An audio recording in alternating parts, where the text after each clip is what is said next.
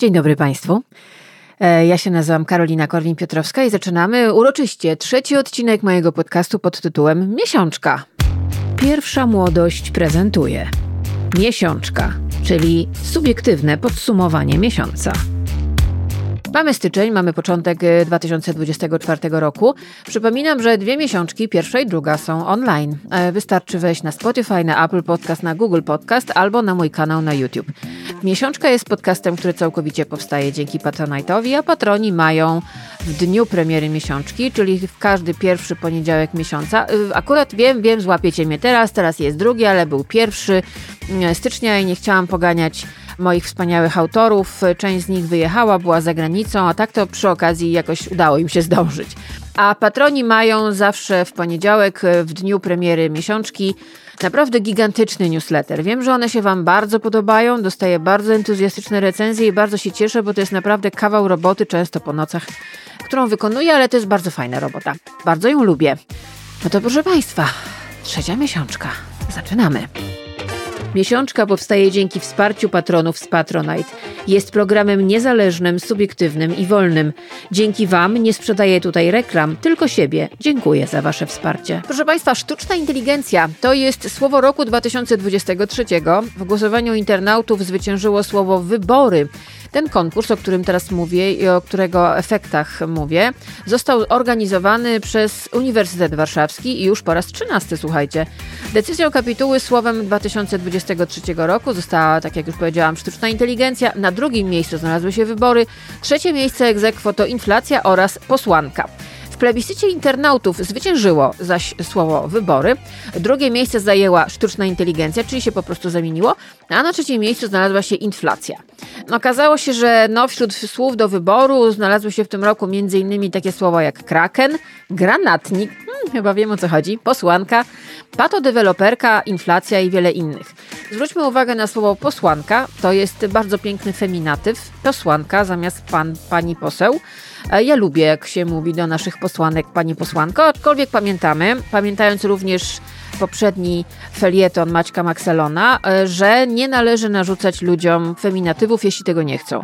Chodzi o to, żeby feminatywy wchodziły lekko, gładko, miło i przyjemnie. Nie może być terroru przyjmowania feminatywów. Jak ktoś nie chce, to jest po prostu jego wybór. No właśnie, Maciek Maxelon, który teraz jest, kiedy ja to nagrywam, za granicą i mam nadzieję, że wychodzi z anginy, ale tym razem zajął się czymś bardzo ciekawym. No bo proszę Państwa, ja jako osoba wege bardzo często słyszę, że nie mam prawa mówić, że na przykład robię wegańskiego burgera albo wegetariańskiego burgera, bo słowo burger podobno przynależy wyłącznie do produktów mięsnych. No i zaczyna się w ogóle lekka afera dotycząca tego, co zrobić, uwaga, z wegańską parówką.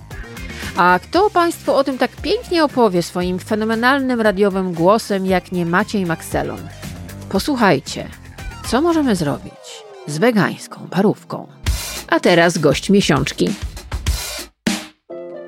Nasz ulubiony sejmowy intelektualista Janusz Kowalski przedłożył projekt, wedle którego miano by zakazać używania określeń typu szynka, kiełbasa czy parówka w odniesieniu do produktów wegańskich.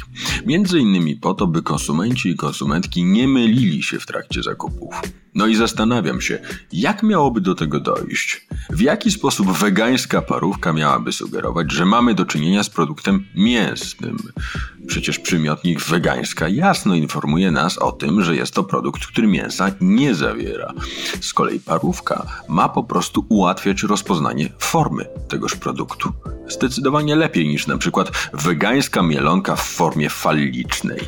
I to, że rzeczownik w tym przypadku odsyła nas bardziej do formy niż do surowca, z którego został wykonany, nie jest przecież niczym dziwnym ni nowym. I w niczym nam to nie przeszkadza, gdy sprawa nie dotyczy produktów wegańskich. Nie słyszę rabanu podnoszonego ze względu na drobiowe kabanosy. Kabanosy, które przecież zgodnie ze swoją nazwą nie powinny być w takim przypadku kabanosami, bo są z drobiu. Kabanosy zaś winny być z kabana, czyli świni. Ale to nam nie przeszkadza. Może dlatego, że po prostu potrzebowaliśmy nazwy dla formy kiełbaski, a materia, z której została wykonana, ma tu mniejsze znaczenie. A skoro nie przeszkadzają nam drobiowe kabanosy, które na poziomie znaczeniowym mają dokładnie tyle samo sensu, co kabanosy wegańskie, to znaczy ani jedne, ani drugie nie są z kabana, to dlaczego właśnie te wegańskie sprawiają, że części z nas skacze ciśnienie? W imię czego prowadzimy tę walkę?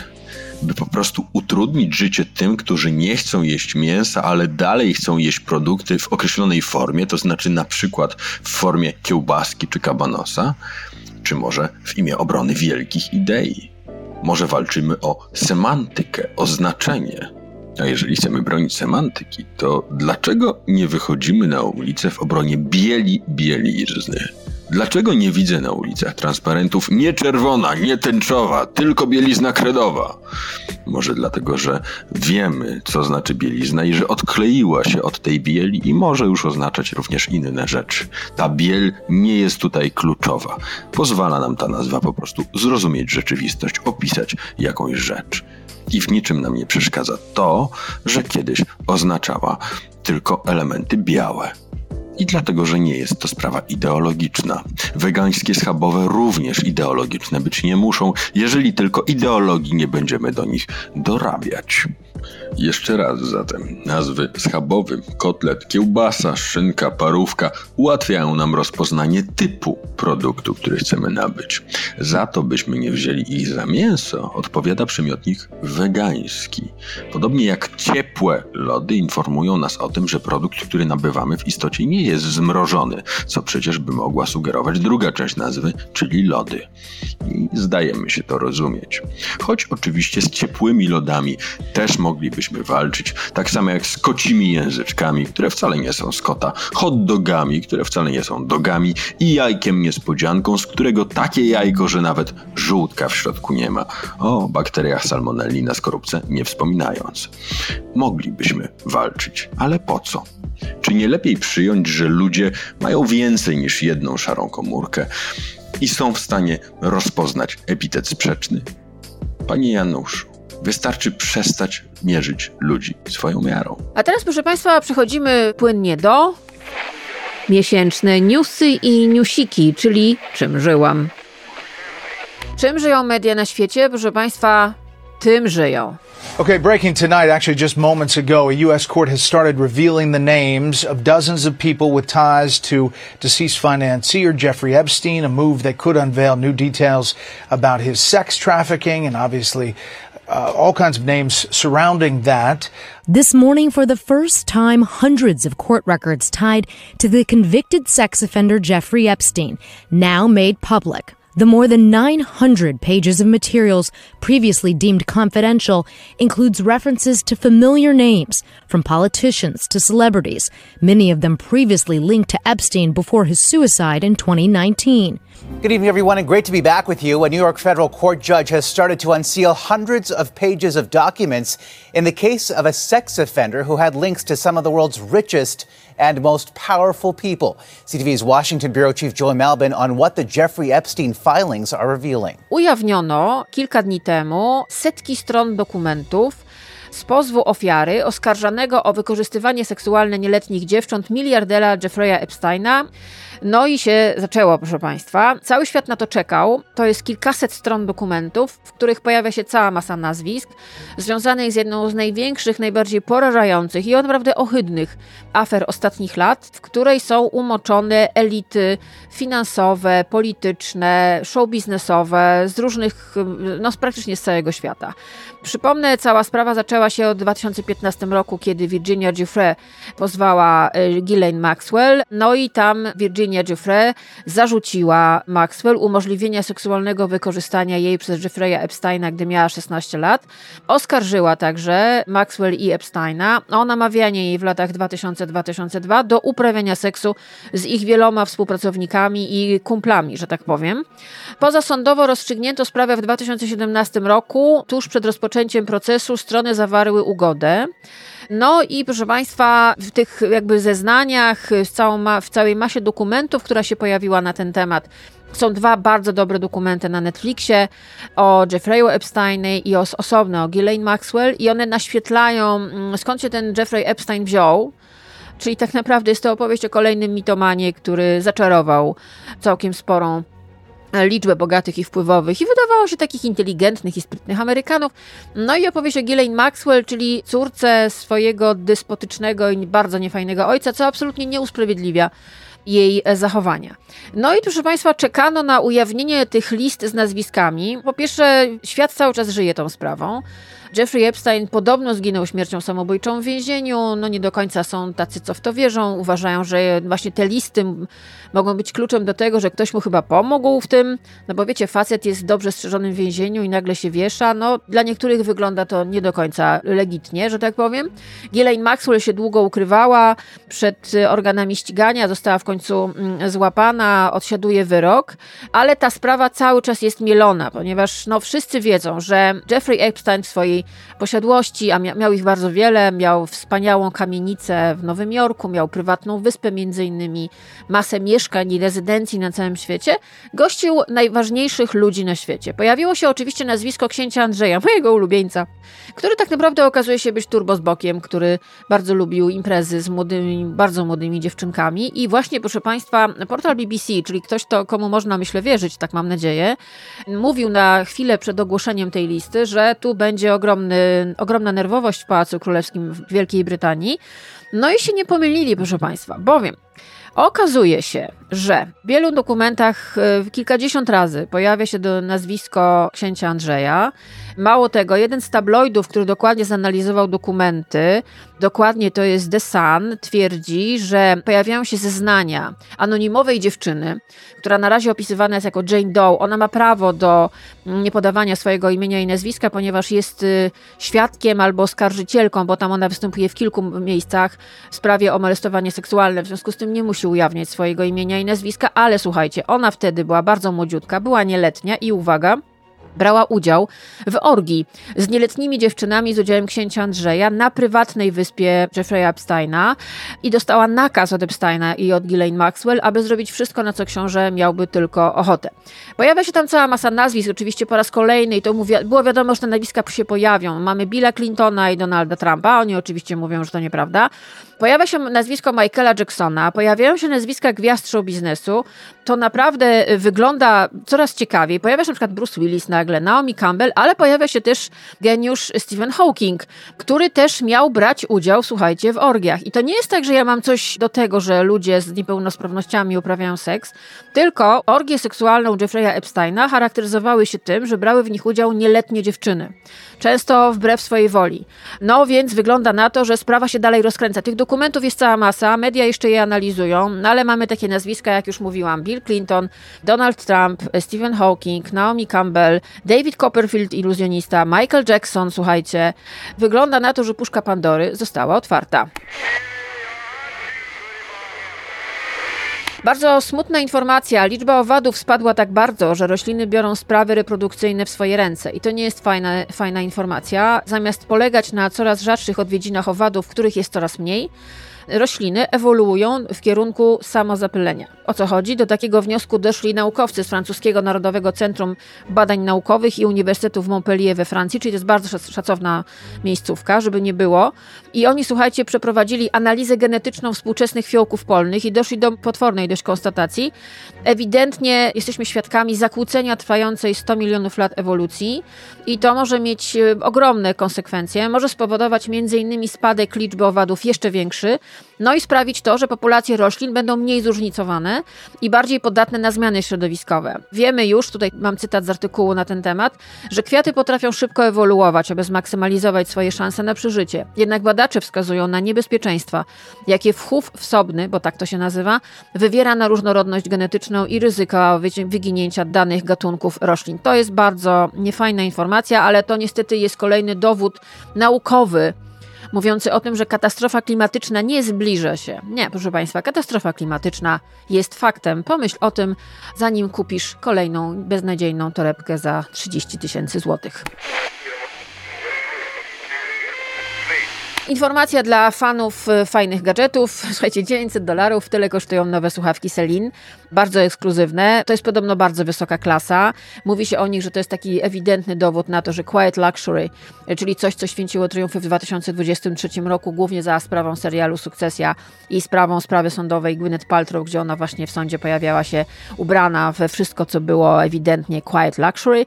No to teraz, gdyby mogła, to by pewnie założyła te słuchawki. Przypominam, luksusowa marka Celine, Celine wypuściła słuchawki za 900 dolarów. Oglądałam je sobie, znaczy nie mam ich w ręku, oglądałam je na zdjęciach. Rzeczywiście to, to jest dzieło sztuki, przepiękne są, natomiast jak tak sobie zaczęłam porównywać, wiecie, jest takie, takie narzędzie w Google, że możecie sobie porównywać zdjęcia, to są znacznie tańsze, bardzo podobne, więc wielkiego cudu nie ma, ale te już się wysprzedają 900 dolarów za słuchawki Celine to już nie wiem, torebka za 30 tysięcy czy oku, e, słuchawki za 900 dolarów. Chyba bym jednak słuchawki wolała. Szanowni Państwo, czy wy wiecie, kim jest niejaka Sonia Ferrer? Ha, to jest gwiazda telewizji hiszpańskiej i słuchajcie, ona zrobiła bardzo ciekawą rzecz. Powinniście ją w ogóle znać, a powi przede wszystkim powinny ją poznać kobiety. To jest bardzo znana dziennikarka, która jest współpracownicą programu En Boca de Todos i ona na oczach ludzi zrobiła po prostu demakijaż. Niektórym się to wydaje, ha, ha, ha zrobiła demakijaż. Tylko, że Sonia Ferrer mówi wprost, ja już nie mam dwudziestu paru lat, ja mam po prostu dosyć całej tej sytuacji, a powiedziała to zainspirowana przez Pamelę Anderson, o której której mówię tutaj od jakiegoś czasu, która cały czas jest konsekwentna w tym, że wychodzi na ścianki bez takiego, wiecie, totalnego makijażu, do którego kobiety są wręcz zmuszane, no bo nie wyjdziesz na ściance, musisz się malować, musisz się upodrować, oko musi być zrobione, brew musi być zrobiona, usta wymalowane, brokat wszędzie po prostu, wiadomo. Nie wszystkie kobiety to robią i na przykład tego to niezbyt, niezbyt to lubię, nie ukrywam. No i Pamela Anderson, zresztą niedawno wystąpiła w reklamie Proenza Schuller, przepiękne są te zdjęcia, też jest bez makijażu, no pokazuje, że można, że kobieta, która była symbolem seksu w latach 90., staje teraz na ściance po prostu prawie z nagą twarzą i okazuje się, że to się da. No i owa, słuchajcie, Sonia Ferrer na oczach ludzi zdumionych i kolegów też w studiu, mm, po prostu w pewnym momencie, opowiadając o Pameli Anderson, która akurat była w Hiszpanii, po prostu zaczęła sobie zmywać na oczach wszystkich makijaż i potem skończyła wypowiedź, skończyła swój występ w telewizji już kompletnie bez makijażu. I ona mówi na przykład coś takiego: My bez makijażu jesteśmy bardzo różni, zmieniamy wiele, to rzeczywistość, którą zmieniamy. Ja nie mam 26, 26 lat, tylko 46. Czas płynie dla wszystkich, ale też pamiętajcie, nic się nie dzieje. To jest po prostu, to wszystko działa jak filtr mediów mm, społecznościowych. Ona też powiedziała o tym, że no, wszystkie te operacje plastyczne są dość niebezpieczne, bo kobiety wyglądają jednakowo, ale generalnie ta sztuczność, walka z nią powinna zacząć się od tego, że po prostu wycieracie, zmywacie makijaż. Posłuchajcie, tak to wyglądało, tak to brzmi. Puszczę oczywiście patroni, dostaną link do tego materiału, jak w pewnym momencie Sonia Ferrer siada w studiu i opowiada i potem wyjmuje sobie takie chusteczki do demakijażu i zaczyna się rozmywać. Wow. Cojo toallitas en el programa y yo me, me lavo. Sí, no tengo, Venga, no tengo, vamos. a ver, lo voy a intentar lo mejor posible, ¿vale? Sonia pero, Ferrer pero sin os digo una cosa, que nosotras sin maquillaje somos muy distintas, lo habéis visto con Pamela Anderson, pero he de decir que aquí algunos de los caballeros también son mucho más ojerosos, ¿eh? Es decir, que podrían coger una toallita también yo ya y también yo, escucha, yo ya me aprovecho y así no me lo tengo que hacer en casa. Si ¿Ves? no os importa, sí, yo sabía que algunos, tú también te puedes algunos sí, sí, aquí en la tele se van maquillados a casa y luego lucen este estupendo maquillaje, pero otros, como Carlos, se lo quitan, ¿verdad? No, vamos, Nada más salir de aquí de plato. A mí me, yo me lo quito siempre, ¿sabéis por qué? ¿Por Porque qué? normalmente salgo de aquí y voy a la compra es porque me cuadra la hora antes de que llegue todo el mundo. Y te da vergüenza. Joder, me da muchísima vergüenza ir a la compra con maquillado. Total. también hay que, también hay que coger una crema Hay para que el decir cuerpo. también que Sonia Ferrer juega un poco con ventaja, porque claro, te quitas el maquillaje y estás igual de guapa. Sí, yo te, yo te lo agradezco Entonces, mucho, claro, David. ahora no vayas a otro Cambiamos extremo. mucho, es una... Proszę Państwa, a wiecie kim jest Cecil? No to posłuchajcie. Local couple's dog got himself into some pretty big trouble, wolfing down the most expensive dinner of his life a stack of cold hard cash. Jessica Goy introduces us to the pup who's getting a lot of attention on social media. This is Cecil. His owners say that he's a well behaved dog and he never did anything bad before until he chomped down on lots of cash $4,000 to be exact. Proszę Państwa, Cecil to jest pies. Cecil to jest siedmioletni Golden Doodle z Pittsburgha w Pensylwanii jest bardzo grzecznym pieskiem. Jego pani zarzeka się, że on nigdy nic nie zniszczył, że jest w ogóle cudownym, wspaniałym, grzecznym. Wiecie, znacie to, tak? Ja też miałam psa, który był grzeczny, genialny i zjadł mi moje buty z czerwoną, słynną, magiczną podeszwą. Znaczy ja oczywiście stwierdziłam, że to jest karma, bo widocznie nigdy nie jest mi dane założyć buta na obcasach i bardzo dobrze. Co nie zmienia faktu, że jak pomyślałam o tym, ile te buty kosztowały, troszeczkę ukłuło mnie w serduszku, ale pomyślałam sobie, kocham tego byka jeszcze bardziej. Po prostu zedrzeć czyjeś buty, wow. Ale słuchajcie, no Cecil stał się bohaterem mediów, bo mm, on po prostu zeżarł 4000 dolarów, które jego panciowie, właściciele, wyciągnęli z konta, na którym to koncie składali pieniądze od jakiegoś czasu. Mieli to ładnie w kopertce włożone i nagle patrzą, pyk, Cecil najzwyczajniej w świecie pożarł te pieniądze. No i słuchajcie, okazuje się, że tak, oni te pieniądze zaczęli, musieli prać, potem musieli czekać, aż on je za przeproszeniem wydali i musieli je wysuszyć, ponieważ bank powiedział im, że on im odda te pieniądze, że bardzo często zdarzają się takie sytuacje, że pieski pożerają, no sorry, trzeba było mieć, nie wiem, pluszaka, no ale muszą donieść te doły, wszystko co tam udało im się zebrać, że tak powiem. W różnym stanie to jest, że tak powiem, rozkładu, absorpcji, zabrudzenia, ale oni grzecznie w tych kubkach, że tak powiem, i jelitkach e, grzebali, wyciągnęli wszystko, będą mieli zwrot pieniędzy. Pies jest po prostu obłędny. Właściciele, czyli Clayton i Carrie Lowe, kochają swojego Cecila siedmioletniego jeszcze bardziej. Przy okazji stał się też po prostu e, gwiazdą mediów, a to jest też bardzo fajne, bo ja na przykład nie wiedziałam, że jeżeli się przyniesie takie wstępnie przetrawione no bo kupy wyjęte, przepraszam za wrażenie, e, banknoty do banku, to jak się one w jakiś tam jest, bank jest w stanie to policzyć, to oni potem zwracają te kwoty. To jest całkiem niezły patent. Proszę Państwa, w latach 80. był taki serial Shogun, pamiętacie? W 1980. Ja jako dziecko pamiętam, strasznie się kochałam w Richardzie Chamberlainie i potem wszyscy chcieli czytać powieść Jamesa Claywella, na podstawie której powstał ten serial. Przypomnę, to był rok 1980. W rolach głównych wtedy w serialu Shogun występowali Richard Chamberlain i Toshiro Mifune. No i teraz się okazuje, że 27 lutego na platformie Disney zadebiutuje zupełnie nowa wersja tejże książki. Też będzie się to nazywało Shogun. 27 lutego. Przypomnę, gdzie to się dzieje. To jest akcja serialu Shogun, to jest Japonia XVII wiek. Kraj stoi u progu wojny domowej i lord Yoshi Toranaga musi walczyć o życie, gdy jego wrogowie z Rady Regentów jednoczą się przeciwko niemu. No i niespodzianie do wybrzeży Japonii podpływa tajemniczy statek, y, na którym jest e, angielski nawigator John Blackthorn. No i ten Blackthorn potem staje się bardzo ważnym, że tak powiem, załóżnikiem Toranagi, a przy okazji wiąże się mocną więzią romansową z niejaką e, Todą Mariko. Ona jest jego tłumaczką i jest ostatnią przedstawicielką pewnego zhańbionego rogu. Ja jestem bardzo ciekawa, jak oni to zrobią. Na razie jest zwiastun, proszę Państwa. Jak już mówię, w lutym ten serial wchodzi znowu do telewizji. Będziemy mogli go oglądać na platformie Disney. No i posłuchajmy sobie w takim razie nowa adaptacja Shoguna, na podstawie powieści Jamesa Claywella, o której nawet japoniści mówili, że zrobiła więcej dla propagowania kultury japońskiej niż cała masa historycznych książek i to jest prawda. Ja sama znam jedną osobę, która poszła na japonistykę po serialu Shogun, bo takiej się tam wszystko strasznie spodobało i bardzo ją to zainteresowało. To był rzeczywiście serial totalnie przełomowy, jeżeli chodzi o pokazanie kultury japońskiej, właśnie też z perspektywy białego człowieka, który się tam pojawia właśnie w XVII wieku. A więc posłuchajmy kawałka zwiastunu nowego Shoguna. Do not be fooled by our politeness. Our bows are of rituals. Death is in our air. And sea and earth. Just remember we live and we die. We control nothing beyond that. There's a saying out here every man has three hearts.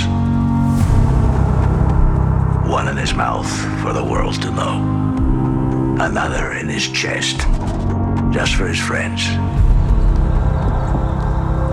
and a secret heart buried deep where no one can find it.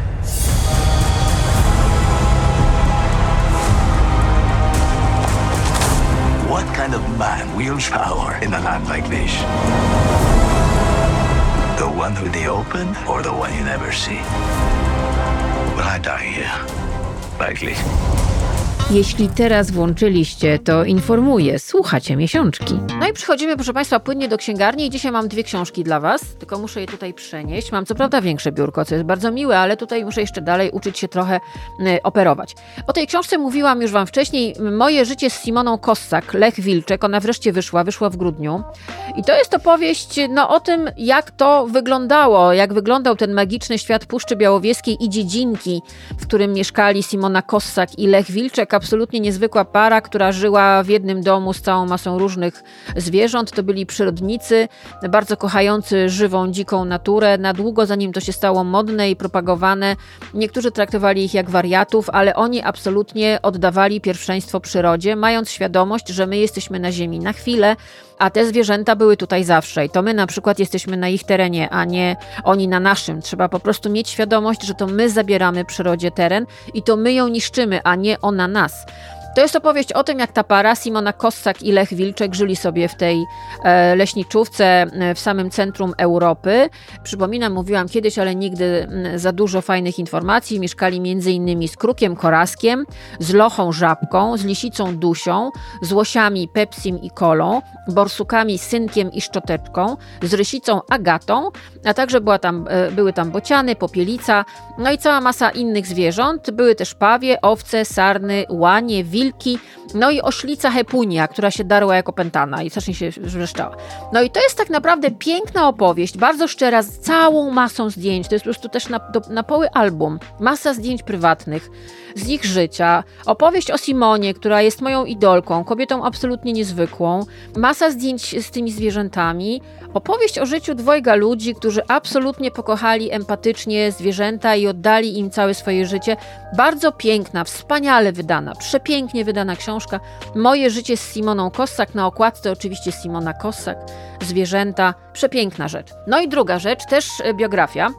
Już sam tytuł bardzo wiele mówi. Biografia Jeremiego Przybory Juan Don nie Don Juan, tylko Juan Don. Napisała ją Maria Wilczek-Krupa, no już mniej więcej wiadomo o co chodzi. To jest po prostu biografia Jeremiego Przybory. Czyli opowieść o jego życiu od do bardzo przyzwoita, z masą faktów. Opowieść o twórcy legendarnego kabaretu Starszych Panów, o człowieku, który słowem władał jak mało kto w powojennej Polsce, który miał niesamowite poczucie humoru. Nie wiem, jak on by się odnalazł w dzisiejszych czasach. Myślę, że łapałby się za głowę co 15 sekund. Sam mówił o sobie, że jest lirycystą, a nie poetą. No i właśnie był jednym z twórców kabaretu Starszych Panów, który też wychował się w bardzo ciekawej, nietypowej rodzinie. Między innymi miał rosyjskiego guwernera, był to rosyjski hrabia. W czasie wojny prowadził sklep, a w czasie powstania warszawskiego był głosem polskiego radia, a po wojnie zaczął pracować w mediach i tak naprawdę jego kariera medialna powojenna zaczęła się przez przypadek, ale rzeczywiście w powojennej Polsce kabaret starszych panów i Przybora i Wasowski, czyli właśnie tacy eleganccy starsi panowie nawiązujący do stylistyki do takiego żanru międzywojennej Polski, idealnie wpasowali się w tą komunistyczną szarą rzeczywistość, pokazując ludziom świat wyimaginowany, baśniowy, nierzeczywisty, nierealny, absolutnie wspaniały. No i to jest też opowieść o życiu prywatnym Jeremiego Przybory, który no łamał wiele serc.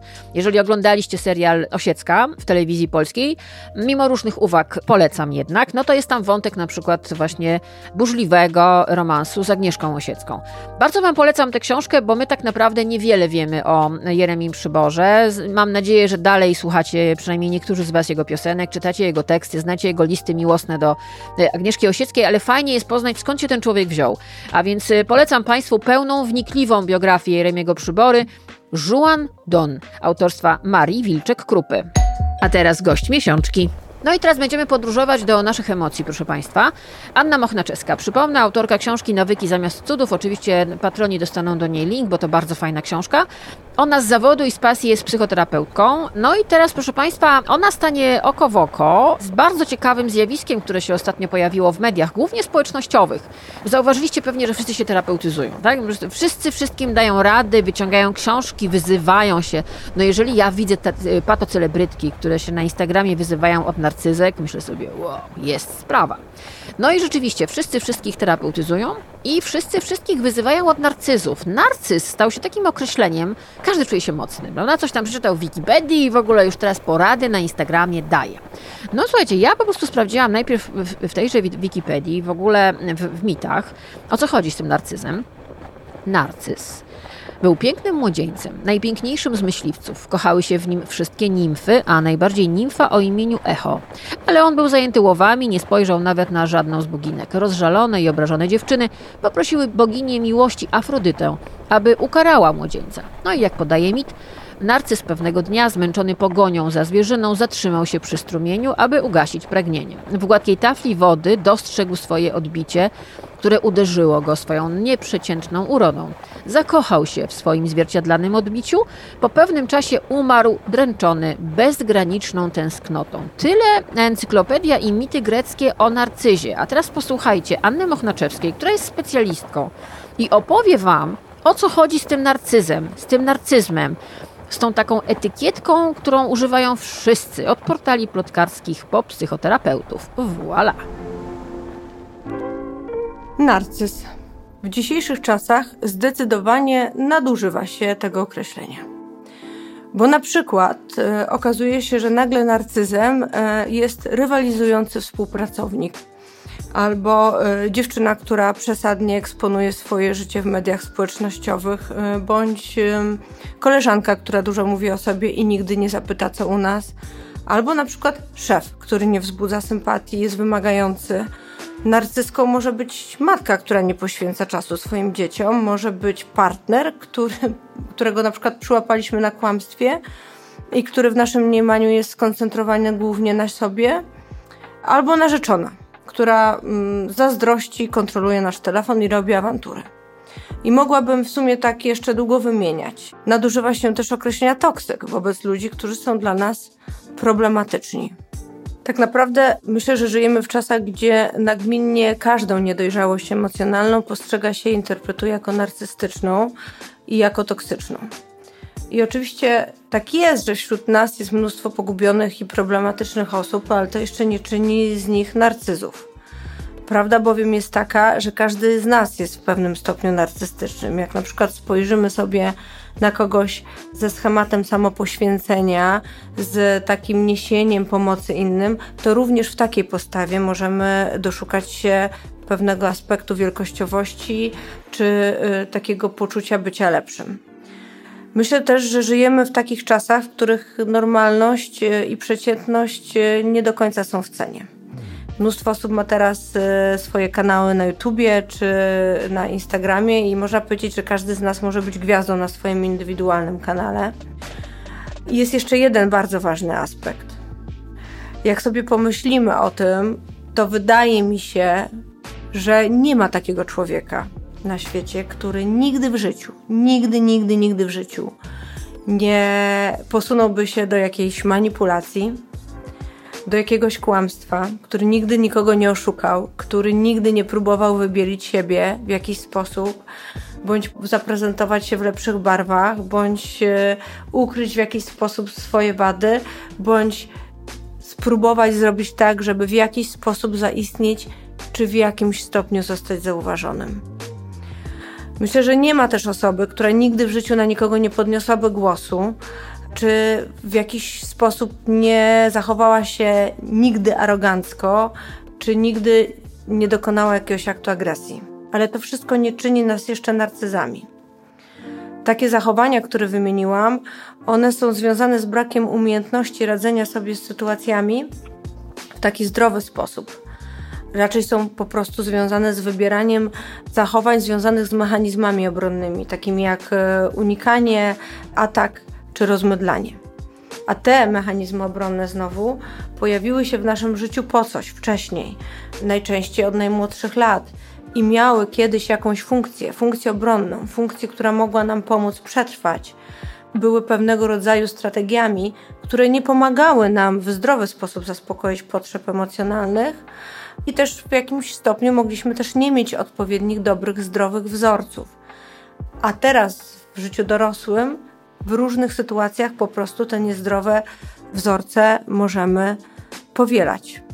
Jest zatem różnica między niestosownym, niedojrzałym zachowaniem, a sztywną strukturą osobowości, którą prezentuje narcyz. Taka struktura zawiera cały zespół cech, który musi być spełniony, aby można było stwierdzić, że ktoś prezentuje narcystyczne zaburzenia osobowości. I na przykład osoba, która jest narcyzem, To osoba, która nie liczy się z nikim, żąda wszystkiego, czego chce, ma poczucie wyższości, pogardy wobec innych, jest całkowicie skoncentrowana na sobie, jest niezdolna do empatii, poniża, łaknie nieustannej uwagi, jest niezdolna do wyrażania uczuć, jest impulsywna, agresywna i ogromnie wymagająca wobec innych. I wierzcie mi, spotkanie kogoś takiego na swojej drodze w bliskiej relacji niejednokrotnie bywa bardzo traumatyczne i druzgocące. Podsumowując, następnym razem, jeśli usłyszycie stwierdzenie, że ktoś jest narcyzem, toksykiem, tak sobie puszczone w eter, to zastanówcie się i podejdźcie do tego z rozwagą, bo kiedyś sami możecie paść ofiarą tej etykiety z ust osób, które nadużywają tego słowa. Przypominam, Anna Mochnaczeska ma profil na Instagramie, wydała ostatnio książkę Nawyki zamiast cudów, proste sposoby ogarniania życia. Bardzo Wam to polecam, patroni oczywiście dostaną link. W kinie i na kanapie, czyli to obejrzałam i to polecam. Bądź nie.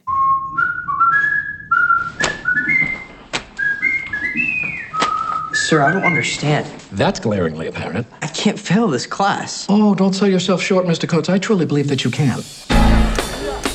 Every year at Barton Academy, students, faculty, and staff depart the campus for a two week winter break. But there are always an unfortunate few who have nowhere to go for the holidays. They're known as the holdovers.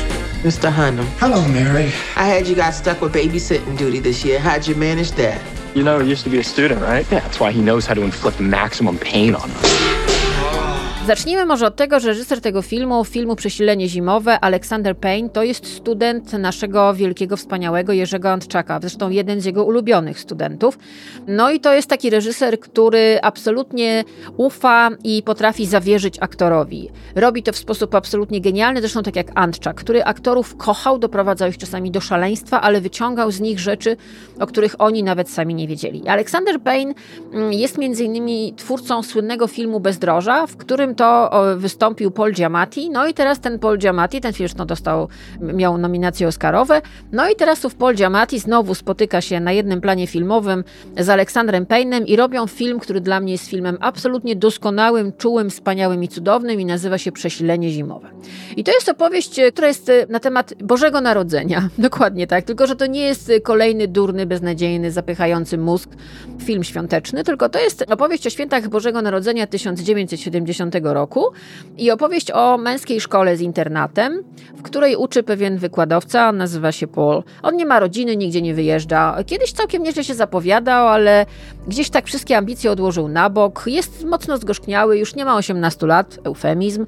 Praktycznie żyje tylko tą szkołą. Ta szkoła jest jego życiem. Jest zgorzkniały, uczniowie go nie znoszą. No i on zostaje w szkole, żeby popilnować uczniów w czasie przerwy świątecznej. Zawsze znajdują się jacyś taki, takie niedobitki, których rodzice nie biorą do domu. No i się okazuje, że zostaje ów Paul z piętnastolatkiem, który nazywa się Angus, w tej roli fantastyczny Dominik Sessa. Jemu grozi wywalenie ze szkoły za fatalne zachowanie. No a do nich dołącza kucharka Mary, która właśnie niedawno straciła syna podczas wojny w Wietnamie i taką tak naprawdę w związku z tym synem straciła w ogóle całą chęć do życia, bo ona pracowała głównie po to, żeby zarobić na studia dla swojego syna, jak on z tej wojny wróci. I mamy trójkę rozbitków, święta Bożego Narodzenia, nawet nie ma choinki. Mamy trójkę ludzi, którzy po prostu jakoś sobie próbują ułożyć życie w ten niesamowity czas, ale też tego nie ma w ogóle epatowania świętami. Nie bójcie się, chociaż jest bardzo ciekawa scena w wieczerzy wigilijnej. Naprawdę, jeżeli potrzebujecie, żeby jakiś film was przytulił, pogłaskał po głowie i powiedział, wszystko będzie dobrze, to Przesilenie Zimowe jest dokładnie takim filmem. Jest to dla mnie film wybitny. Mam nadzieję, że będzie miał co najmniej parę nominacji do Oscara. To jest podobno czarny koń Oscarowy. Bardzo chcę w to wierzyć. Alexander Payne, uczeń Jerzego Antczaka z Polem Giamattim w głównej roli w filmie Przesilenie Zimowe. Are you there, God? It's me, Margaret. I'm here to speak to you today about your changing bodies. The blood is released through the vagina. Please, just do this one thing for me. Let me just be normal and regular like everybody else. Just please, please, please, please, please, please, please. No i to, co, słyszeliście przed chwileczką, to jest fragment filmu, fragment zwiastuna z filmu Jesteś tam, dobry Boże, to ja Margaret i to jest ekranizacja absolutnie kultowej powieści w Stanach Zjednoczonych. Napisała ją Judy Bloom. To jest książka pod tym samym tytułem. Od prawie 50 lat Amerykanki ją czytają, przekazują sobie z pokolenia na pokolenie. To jest opowieść o 11-letniej Margaret, która sobie mieszka w Nowym Jorku i bardzo dobrze jej tam jest. No ale tata jest, zostaje awansowany i ona z mamą i tatą wyjeżdża z całym tobołkiem, z całym Majdanem do New Jersey. Zostawia w tym Nowym Jorku babcię, którą bardzo kocha, z którą ma bardzo fajną relację, no ale jedzie do tego New Jersey. I to jest opowieść o 11-letniej dziewczynce, która z Nowego Jorku, który znała, który był jakąś jej bezpieczną przestrzenią, ląduje w zupełnie nowej przestrzeni, w nowej szkole, z nowymi koleżankami, ze świadomością, że nie ma jeszcze biustu, nie ma jeszcze miesiączki, że chłopak, który powinien jej się podobać w ogóle jej się nie podoba, a podoba jej się zupełnie inny, a w ogóle to jej koleżanki są, wiecie jak to jest, jak się ma 11 lat, no to jest po prostu masakra.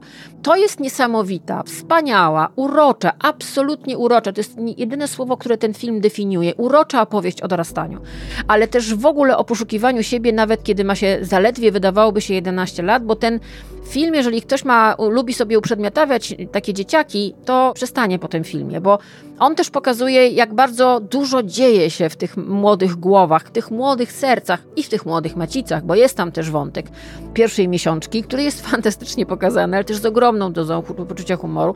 Mi się zdarzyło wiele razy na tym filmie ryknąć ze śmiechu, bo on ma bardzo dużo takiego swobodnego, życiowego humoru w sobie i takiej życiowej prawdy też. Także jeżeli potrzebujecie zobaczyć na ekranie bardzo dobrych aktorów, Rachel McAdams, Kathy Bates i poczuć się też znowu przytulonym i otulonym, czymś miłym, ciepłym, no to proszę bardzo, jesteś tam, mm, Boże, to ja, Margaret, ekranizacja kultowej, absolutnie amerykańskiej powieści, nie tylko dla dorastających dziewczynek. Słuchacie podcastu, który nazywa się Miesiączka. A teraz, proszę Państwa, będziemy rozmawiać o czerwonej szmince.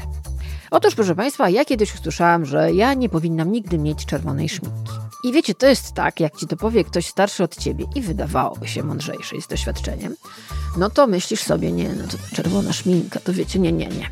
Potem usłyszałam, że jak pomaluję usta na czerwono, to wyglądam jak kobieta niezbyt ciężkich obyczajów, co było po prostu jak kopnięcie w żołądek. Pomyślałam sobie, co, ja? Ale wiecie, ciągnęło mnie do tej czerwonej szminki, bo symbolika czerwonej szminki jest bardzo ciekawa. I ten kolor na ustach kobiecych kojarzy się różnie ludziom z różnymi rzeczami. No, teraz już mogę powiedzieć, że ja mam czerwoną szminkę, mam swój ulubiony odcień, ale w ogóle mam kilka kolorów czerwonych i bardzo lubię malować usta na czerwono. I mam dokładnie gdzieś, dokładnie tam. Co inni na ten temat y, pomyślą i widzę, że znowu jest renesans czerwonego koloru na ustach u kobiet, w związku z tym poprosiłam Agatę Herbut, naszą specjalistkę i moją ulubioną felietonistkę, żeby mi opowiedziała, ponieważ ona się zna na kosmetykach, zna się na makijażu, wspaniale się maluje i umie dopasować makijaż do każdej kobiety. Robi to naprawdę w sposób mistrzowski. Zapraszam na jej profil na Instagramie Agata Manosa. Jest też niezależną recenzentką kosmetyków, no zna się na tym po prostu. I poprosiłam Agatę, żeby mi opowiedziała o tej czerwonej szmince, o jej konotacjach i o tym, czy rzeczywiście prawdą są te różne takie właśnie, wiecie, prawdy ludowe, a że w pewnym wieku to nie można, że jesteś za stara na czerwoną szminkę, albo jesteś za młoda na czerwoną szminkę, albo czerwona szminka to musi mieć taki odcień, albo musi mieć zupełnie inny odcień, a w ogóle to sobie ją, nie wiem, do dupy wstać. No to posłuchajmy, co na ten temat ma do opowiedzenia nam Agata Herbut o czerwonej szmince. Mówię cześć w nowym roku i życzę Wam wszystkiego, co najlepsze, tak z głębi serca. Dzisiaj w kąciku beauty bierzemy się za czerwoną szminkę. Wydawałoby się, że to łahy temat, bo po co właściwie rozwodzić się nad szminką do ust? Ano właśnie po to, żeby podyskutować o pewnym zdaniu, które wiele razy wypowiadam ja, a także wiele razy słyszałam je od moich koleżanek, znajomych, czy też od obcych kobiet. To zdanie brzmi: czerwona pomadka do ust dodaje odwagi i pewności siebie. Słuchajcie, cofniemy się do średniowiecza. Wtedy czerwona szminka była zakazana i była utożsamiana z magią i czarami. Mimo to kobiety bardzo polubiły czerwone usta i w tamtym okresie używały do tego krwi węża. Wiele lat później, bo w 1884 roku w Paryżu zaprezentowano specjalną pałeczkę do malowania ust i przypominała ona błyszczyk, zamknięta była w jedwabnym pojemniku. Francuskie pokochały ten produkt i nie trzeba było właściwie długo czekać, aby rozszedł się on po całym świecie. Pierwsza produkcja czerwonych szminek marki Guerlain ruszyła pod koniec XIX wieku. Na początku XX wieku z kolei czerwona szminka stała się symbolem kobiecej niezależności, emancypacji i walki kobiet o swoje prawa. Nosiły ją amerykańskie sufrażystki i był to znak protestu. Mam jeszcze jedną ciekawostkę, a mianowicie co wspólnego miał Hitler z czerwoną pomadką. Nie wiem, czy wiecie, ale on jej nie znosił. W 1933 roku, przedstawiając swoje poglądy na temat idealnego społeczeństwa, podkreślił, że szminki dla kobiet są haniebne. Nie znosił zwłaszcza tych czerwonych, które sprawiały, że kobiety bardzo rzucały się w oczy. Co kobiety robiły? Na znak protestu malowały usta na czerwono. A teraz? Teraz mamy absolutną wolność w tym, co nosimy na ustach, na twarzy, na ciele. I powiem Wam szczerze, że warto z tej wolności korzystać. Ja do czerwonych ust muszę mieć nastrój, a znam kobiety, których czerwone usta są niemalże jak ich znak rozpoznawczy. One zrobiły z tego swój taki signature look. A jeśli zastanawiałybyście się, zastanawialibyście się, jak dobrać czerwoną szminkę, to mam jedną radę, za którą pewnie dostałabym reprymendę od innych makijażystek, moich koleżanek, które serdecznie pozdrawiam. Ale jak to mówią, kto nie ryzykuje, ten nie pije szampana. Więc moja rada brzmi: eksperymentuj. To najłatwiejszy sposób, aby znaleźć pomadkę idealną. Warto też skorzystać z pomocy profesjonalistów i na przykład udać się do perfumerii czy do drogerii, w której możesz sprawdzić kilka kolorów jednocześnie. Jeśli zdarzy się sytuacja, że masz na przykład ciepłą tonację, a świetnie będziesz się czuła w pomadce z fioletowymi tonami, nosią a czy każdej z nas pasuje czerwona szminka? Według mnie tak. Najważniejsze jest jednak, aby dobrze się czuć ze sobą.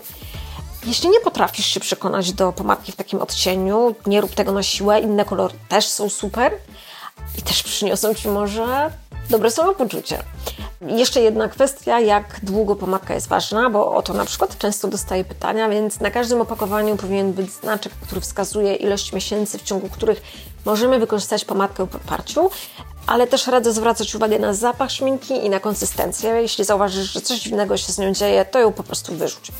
Na koniec chciałam jeszcze powiedzieć, że czerwona szminka to nadal tylko szminka, ale potrafi zmienić nastrój, nastawienie, dodać siły czy odwagi. Polecam spróbować, a Ty Karolina powinnaś nosić ją częściej, bo super w niej wyglądasz. Dziękuję Wam bardzo. Pozdrawiam serdecznie. Ach, jeszcze dodałam tam Wam coś o jakichś podtonach, tonach, więc muszę to szybko wyjaśnić, że w kwestii dobierania szminki można sprawdzić, czy jest się typem ciepłym czy zimnym, a może neutralnym. Typ ciepły dobrze się czuje w złocie, zimny w srebrze, a neutralny, ja na przykład nim jestem, kocha złoto i srebro tak samo. Ale to nie są sztywne reguły, to raczej wskazówki i w większości przypadków się sprawdzają, ale oczywiście musicie też to sprawdzić na sobie. Także Ściskam raz jeszcze mocno i pozdrawiam serdecznie. Jeśli teraz włączyliście, to informuję, słuchacie miesiączki. No to teraz pogadamy sobie, proszę Państwa, troszkę o modzie. To jest oczywiście moda w moim programie Miesiączka, w związku z tym jest traktowana inaczej i na pewno nie na kolanach. Więc jak zwykle od drugiego odcinka, przypominam, stałą naszą felietonistką jest Karolina Sulej. Bardzo spodobał się Wam jej przepiękny felieton o swetrach. Naprawdę romantyczny, jak jeżeli jeszcze nie słuchaliście felietonu o swetrach Karoliny, to naprawdę miesiączka numer dwa i to jest po prostu lektura obowiązkowa. No, ja przypomnę, że Karolina zna się bardzo dobrze na ubraniach. W 2020 roku wydała książkę Rzeczy Osobiste, w której to opowiadała o tym, jak moda, dbanie o siebie, uroda, dbanie o wygląd pomagały przetrwać y, po prostu piekło więźniarkom, więźniom obozów.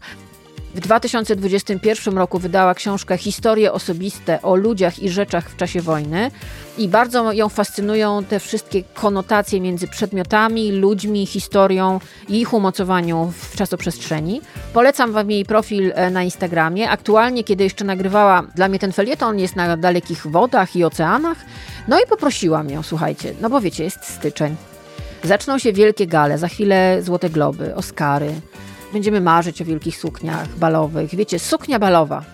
Jak byłam dziewczynką, w ogóle nie, nie jarały mnie sukienki ślubne, a natomiast sukienka balowa, taka jak widziałam o księżniczek Disneya albo w różnych bajkach, które oglądałam w telewizji, to było coś, o czym marzyłam. Myślę, że każda kobieta, kiedy była dziewczynką, kiedyś marzyła o tym, żeby założyć suknię balową. Mi było raz dane założyć suknię na taki naprawdę bal, i rzeczywiście udało mi się nawet Mazura o świcie zatańczyć, bo stara polska tradycja tak nakazuje.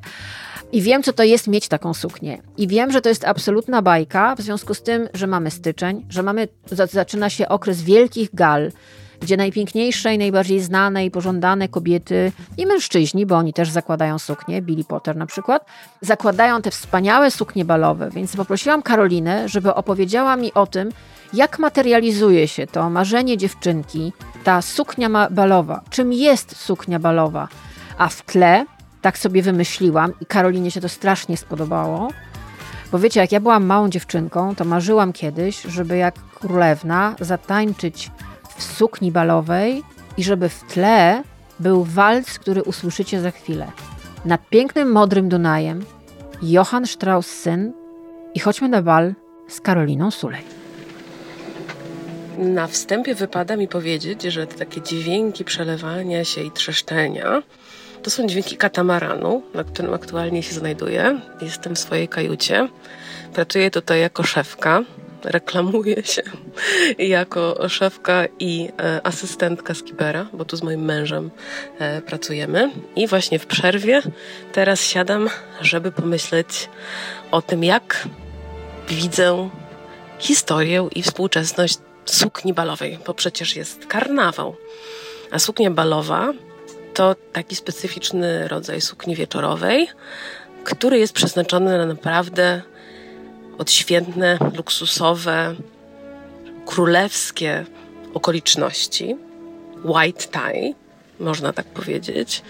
E, I w ogóle suknia balowa to jest suknia nie tylko realna, realny model, realny strój, ale też pewien rodzaj fantazji o tym, czym jest spełniona kobiecość, spełniona w miłości kobiecość, co więcej, bo założę się, że to, co wam się pojawia przed oczyma, kiedy mówię suknia balowa, to są księżniczki Disneya.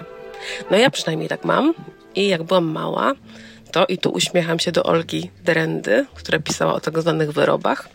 Miałam takie właśnie krajowe wyroby Disneyo-podobne, przedstawiające księżniczki była to księżniczka w niebieskiej sukni, czyli kopciuszek. To ta słynna suknia, którą jej tworzy matka chrzestna za pomocą swojej magicznej różdżki, mieniąca się błękitna i te słynne buciki. Albo e, była też e, księżniczka o imieniu Belle, o równie znanej, popularnej w fantazjach dziewczynek sukni w kolorze żółci czy też złota to są takie, można powiedzieć, ikoniczne księżniczki, ale wszystkie te księżniczki disneyowskie nosiły te wielkie, rozłożyste suknie, powłóczyste przynajmniej, które nie mają wiele wspólnego z jakimś konkretnym stylem. Są raczej wariacją na temat XVIII-wiecznej Francji, są e, odrobinę e, też zakorzenione w XIX wieku i w e, tych pomysłach na to, jak utrzymać wszystkie warstwy, wszystkie halki e, na e, kobiecie, e, czyli wszystkie bazują na tych sukniach trzymanych na turniurach różnego rodzaju. Ale sama w sobie ta suknia jest pewną emanacją idealnej kobiecości, która ma się przejawiać w jej takiej wręcz nieziemskiej czarowności. Te suknie są pastelowe, właśnie niebieskie albo żółte, albo no takie zawsze kolorowe i wesołe.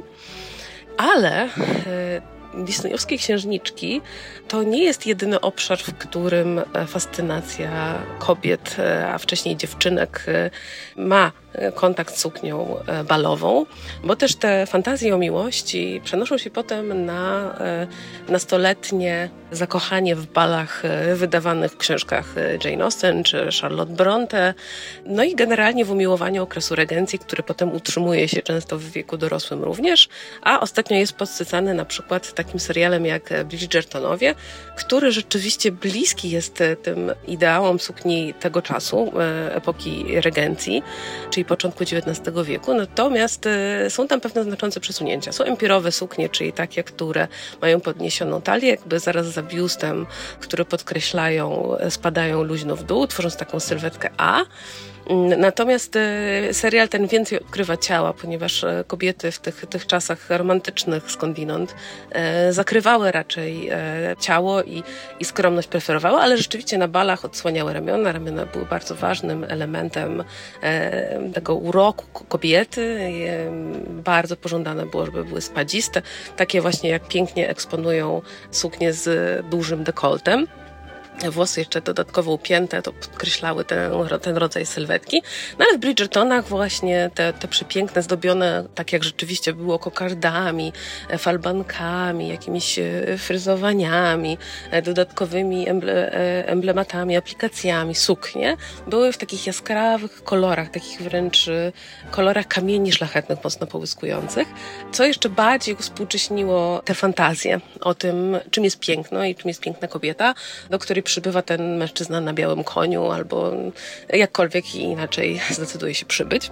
Są też klasyczne opowieści, które mają w centrum ten wielki bal, tę wielką transformację, gdzie suknia balowa jest naprawdę e, szalenie ważnym wehikułem tej zmiany. Ona wydobywa jakby księżniczkę z kobiety. Ona uwidacznia to jej e, piękno, które zasługuje na miłość i szczęśliwe zakończenie. No albo chociaż na miłość, bo w przypadku e, filmu Anna Karenina z 1997 roku ta piękna, czarna e, suknia, ta czerń podkreśla, zapowiada tragiczny e, los Anny, ale też jest ponętna dla, dla jej ukochanego, granego przez Shona Bina w tej słynnej scenie walca, którego razem tańczą i napięcie sięga zenitu. Ja też bardzo ostatnio z dużą przyjemnością oglądałam suknię Jean Dubarry w filmie o, o tej kochanicy króla słynnej, którą ostatnio Maven e, się wcieliła. Johnny Depp zagrał e, Ludwika.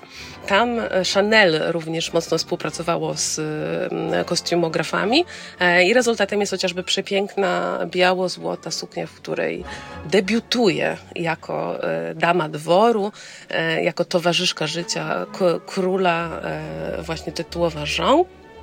Ale mnie tam też e, bardzo um, ujęło to, jak e, w ogóle moda jest rozgrywana na dworze, to, że to jest właśnie język oporu, język tożsamości i to, co Jean robi, pogrywając sobie z tymi ideałami tego, czym jest piękno, czym jest naturalność versus sztuczność, jak ona renegocjuje to po swojemu, więc tutaj ta suknia balowa jest noszona przez Jean na własnych warunkach. Ona będzie tą miłością sterować, ona będzie tutaj na pierwszym planie. Ona tego księcia zdobyła, jest bardzo sprawcza w tej sukni. Suknia jednak bardzo często odbiera sprawczość tym e, pięknym kobietom, które są pożądane ze względu na swoją urodę i to tekstylne opakowanie, bo na przykład e, księżniczka Sisi, e, słynna w popkulturze, chyba najsłynniejsza księżniczka Austro-Węgier, w, w przepięknym i bardzo przejmującym filmie, w którym Vicky Krieps wcieliła się w rolę, w rolę Sisi w Gorsecie, to jest polski tytuł, Korsarz.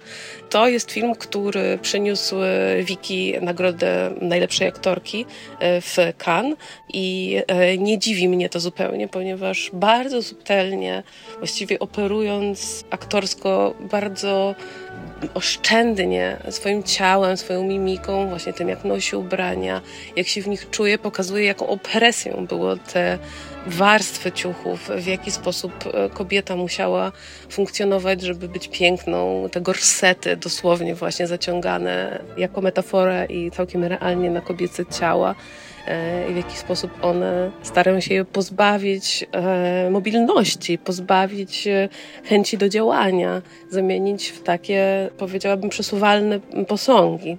Ten rodzaj luksusu i tego piękna, które otacza Sisi, wprawia ją w melancholię, przynajmniej akurat w tym, e, w tym filmie, ale bardzo mi się podoba ten taki anturaż sukni balowych, e, dworów, jako pewnego rodzaju opowieści o dekadencji i smutku. Nie tylko właśnie o prestiżu i happy endzie, jak to bajki chcą nam przedstawić.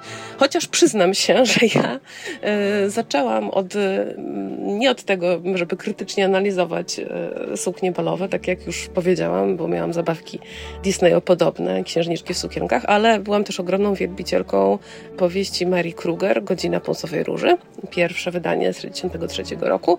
Tam Ania, nastolatka, która chce uniknąć kary za spóźnienie do domu, przystawia wskazówki pamiątkowego zegara i przenosi się w czasie do XIX wieku. No i w tej XIX-wiecznej Warszawie, w, w tej klasie społecznej, która umożliwiała noszenie adekwatnych e, strojów, stroi się właśnie, zakłada te ciężkie, ciężkie suknie, wielkie kapelusze, e, tak jak to e, wtedy zgodnie z najnowszą modą i tak jak to przedstawił Emil Zola w powieści Wszystko dla pań, że się szło właśnie do tych wielkich pierwszych domów handlowych, kupowało tkaniny na metry, dodatki i tworzyło te niesamowite konstrukcje na pupach, na głowie, na ramionach, bo też one były bardzo bufiaste bardzo często. E, no jest to ta opowieść o tej e, bardzo widowiskowej kobiecości. Ona ze mną, przyznaje się, e, została ale też bardzo lubię takie opowieści bardziej współczesne o tym, czym jest ta balowa suknia i jakie ona ma znaczenie. Suknia, którą chyba wszyscy pamiętają, Julia Roberts w Pretty Woman. Pretty Woman, e, kobieta mm, pracująca seksualnie, ubierająca się raczej wyzywająco, no niby nie ma tam w niej ani krztyny elegancji, ale ten nasz kopciuszek potrafi się zmienić wręcz magicznie. Nie potrzebuje do tego, co więcej, żadnej fairy godmother.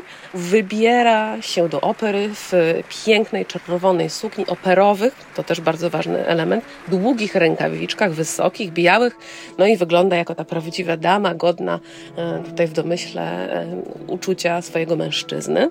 Jeszcze warto na pewno wspomnieć o, o sukni e, e, równie znaczącej e, dla filmu, o sukni, którą założyła Kate Winslet na bal na Titanicu. Kate Winslet e, jako, jako swoja bohaterka zakochana, popełniająca mezalians, i potem uratowana przez chłopaka z plepsu i cały czas w tej pięknej sukni empirowej, właśnie odciętej pod, pod biustem, z czarnej koronki, ze szkarłatnym, e, ze szkarłatnego jedwabu, no po prostu przepiękna konstrukcja. Jak się okazało, było wiele e, kopii tej kreacji, bo trzeba było się upewnić, że jest ona tak samo piękna jako suknia sucha i jako suknia zmoczona. To lata 90., 80., ale też na pewno warto wspomnieć o innych e, filmowych ikonicznych e, balowych sukniach, bo też one ustawiały to, czym te suknie wieczorowe potem były replikowane, wzorowane na tych takich fantazjach kostiumografów. E, na pewno nie ma opowieści o sukni balowej bez Marilyn Monroe i bez Gentlemen Prefer Blondes. 53 rok, niesamowita różowa suknia e, z wielką kartą z tyłu, do tego dosyć ostentacyjna biżuteria.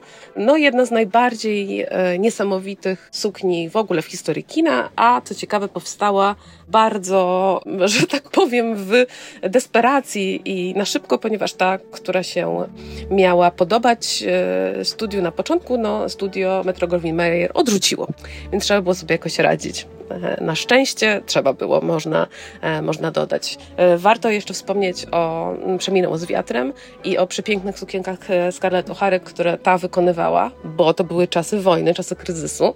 To czasy, które ja szczególnie lubię jako antropolożka mody, bo wtedy trzeba sobie radzić i być kreatywną. No a niewątpliwie Scarlett była i śmiała, i kreatywna e, i uszyła sobie przepiękne, wielkie suknie z zasłon. E, szczególnie warto wspomnieć o tej mm, zasłon czerwonych, balowej, z jeszcze takimi frędzelami i z takimi zdobieniami puszystymi na ramionach. No coś wspaniałego, naprawdę obrotna, obrotna bohaterka. Potem też te fantazje różnorakie, te z bajek, te z bajek filmowych, te z bajek e, literackich pojawiły się nieuchronnie na czerwonym dywanie i na tych balowych okazjach, gdzie pojawiają się celebryci, czy to jest bal charytatywny, czy rozdanie nagród, czy, czy jakaś inna okazja związana z pokazaniem się. No, różnorako e, gwiazdy cytują e, historię sukni balowej. Na pewno warto wspomnieć o tym kopciuszku, o Gwyneth Paltrow, który odbiera Oscara w takiej mm, przepięknej koszulce stafety w kolorze jasno-różowym Ralfa Lorena, ale może nawet ciekawsze niż te suknie z rozdania Oscarów są suknie balowe na temat, tak? Praca domowa jest zadawana przez e, Metropolitan Museum of Art co roku jest tam gala, tak zwana Met Gala, gdzie są różne tematy związane z modą i trzeba je interpretować. Gwiazdy się prześcigają, która to suknia będzie bardziej niesamowita i by jeszcze bardziej na temat. I tu warto wspomnieć o niesamowitej Zendai, która w ogóle jest królową czerwonego dywanu, to tak na marginesie, która założyła suknię Tomiego Hilfingera, 2019 roku jako kopciuszek, ale ta suknia naprawdę y, zmieniała się, to znaczy jej fairy godmother, czyli jest jej stylista, y, ubrany też w taki kaptur z takim y, wielkim, taką kokardo, muszką różową, wymachiwał różdżką, z której się sączył dym i ta suknia rzeczywiście zaczynała świecić. Była elektryczną suknią, zapalającą się, jakby rozświetlającą się od środka. Mm, więc to na pewno jest suknia balowa do zapamiętania. Tak samo jak suknia Lady Gagi z Nomen Omen, właśnie gali poświęconej Campowi, czyli właśnie takiego mu stylowi w modzie, który jest związany z przesadą, dokręceniem śruby do końca, z takim dragowym wręcz podejściem do kobiecości, że musi być dużo, mocno, kolorowo. I Gaga właśnie w tym roku, e, gdy był ten temat, założyła ogromną, nie mieszczącą się niemalże na schodach suknię w kolorze takiej magenty bardzo nasyconej Brandona Maxwella, z której się powoli, powoli rozbierała aż do bielizny. E, więc była to suknia balowa w procesie, wariacja na temat tej balowej niewinności i świadomości tej niewinności, zabawa erotyczna z tą fantazją i bajką, którą rozpoczęły e, księżniczki Disneya i w ogóle bajki, które sprzedawały nam tę taką multihistoryczną suknię, która czerpie kolejne elementy po to, żeby podkreślić ten rodzaj królewskiej miłości, który, który spotyka e, księżniczkę. Radzę Wam jeszcze się bardziej zagłębić w historię sukien balowych, bo XVIII wiek i Wersal to nie tylko Jean du Barry, ale też e, Mariana Antonina i wspaniały film Sophie Coppoli, Marie Antoinette. E, barokowe suknie są bardzo ciekawe. Nawet w średniowieczu zdarzały się niesamowite stroje, te takie rękawy bardzo długie do ziemi, futra, ciężkie tkaniny, i e, jest e, to niesamowity fragment e, historii mody, bardzo mocno związany z przemianami płci i roli kobiety i też tego, co kobieta może zrobić w swojej sprawie. I warto w czasach mnogości serialów kostiumowych i można powiedzieć takich powrotów z refleksją do tego, w jaki sposób balowałyśmy, w jaki sposób się tańczyło, w czym się tańczyło i z kim się tańczyło, warto wrócić ze świadomością tego, czym właściwie jest ta suknia balowa. Czym może być i co możemy sobie dawać nią zrobić, a czego już nie, i jakie właściwie one miejsce, ta fantazja o tej sukience e, zajmuje w naszym życiu. A chciałam zakończyć taką króciutką opowieścią o tym, że jedną z odmian sukien balowych jest suknia e, na bal licealny, tak, na studniówkę byśmy powiedzieli prom dress i były różnorakie, e, istotne lub mniej istotne prom dress w popkulturze, ale ja najbardziej lubię tę z 76 roku z filmu Carrie. Pewnie domyślacie się już dlaczego, jeśli znacie tę powieść Stephena Kinga lub e, ten film. Tytułowa Carrie w przepięknej dziewczęcej sukni pojawia się na swoim balu, ale ta suknia na koniec tego balu jest cała, cała we krwi naprawdę y, stary Zygmunt to by się po tym horrorze naprawdę nieźle nagadał, jeśli chodzi o interpretację symboli, znaków i e, podświadomych y, obrazów. Natomiast ja już się chyba nagadałam i bardzo serdecznie Was pozdrawiam, życząc Wam pięknego, dobrego 2024 roku. Balujcie, ale też miejcie refleksję i e, zachęcam Was, e, żeby codziennie powiedzieć sobie, co to znaczy, że jestem człowiekiem ubranym, kobietą albo mężczyzną ubraną i co właściwie robią mi te stroje. Może nie będą to suknie balowe codziennie, ale zapewniam Was, że nawet najprostsze dżinsy i koszulka to też jest jakaś historia i komunikat i mam nadzieję się tymi historiami o tym, jak jesteśmy ubrani, dzielić na łamach e, wspaniałej Karolinowej miesiączki. Do zobaczenia. Do usłyszenia, przepraszam. W kinie i na kanapie, czyli to obejrzałam. Tak, drugi raz w kinie i na kanapie, ale muszę Państwu o tym opowiedzieć, bo ja chciałam, żeby to był osobny segment w miesiączce. Zostałam fanką Rafaeli Carra. Naprawdę. A to dlatego, że zobaczyłam trzyczęściowy dokument o niej. Serial trzyodcinkowy nosi tytuł Raffa i jest po prostu obłędny. Posłuchajcie. Più vicino. Vieni, vieni, vieni.